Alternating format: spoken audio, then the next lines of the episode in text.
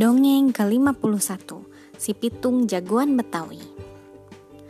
Alkisah ada seorang pemuda bernama Pitung. Pemuda ini berasal dari Rawa Belong. Pitung dikenal sebagai pemuda soleh dan baik hati.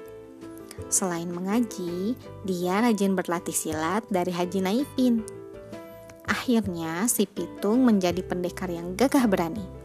Dia selalu membela orang yang lemah. Pada masa itu, Belanda masih menjajah Indonesia. Para kompeni dan tuan tanah hidup bermewah-mewahan, sedangkan rakyat miskin dibiarkan kelaparan. Pitung merasa sedih melihat rakyat hidup menderita. Bersama kedua temannya, Rais dan Ji, Pitung merampok rumah para kompeni dan tuan tanah. Hasil rampokannya dibagikan ke penduduk yang membutuhkan. Hasil rampokan itu ada beras, makanan, pakaian, dan uang. Si Pitung dan teman-temannya sangat disayangi rakyat miskin. Hal ini karena si Pitung sudah banyak membantu mereka. Namun, para kompeni dan tuan tanah sangat marah melihat kekelakuan si Pitung. Mereka bertekad untuk menangkapnya. Sayangnya si Pitung tidak mudah ditemukan. Para penduduk yang merasa berhutang budi pada Pitung juga melindunginya. Tidak ada satupun penduduk yang mau memberitahu keberadaan si Pitung. Selain itu, si Pitung juga tidak mudah dibunuh. Ia memiliki ilmu kebal terhadap senjata apa pun. Kita tidak bisa membiarkan si Pitung merampok rumah kita dengan seenaknya. Kita harus segera menangkapnya kata seorang tuan tanah. Tapi bagaimana caranya? Pengawalku saja kesulitan menangkapnya, kata tuan tanah lainnya.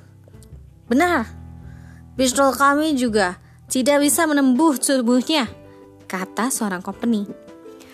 Mereka berunding untuk menangkap si pitung. Akhirnya, para kompeni dan tuan tanah mendapat ide mereka akan mengancam dan menyiksa penduduk yang telah ditolong si Pitung. Penduduk dipaksa memberitahu keberadaan si Pitung atau keluarganya. Ternyata usaha mereka berhasil. Mereka mendapatkan informasi mengenai keluarga si Pitung. Para kompeni segera menangkap dan menyiksa kedua orang tua si Pitung beserta Haji Naipin.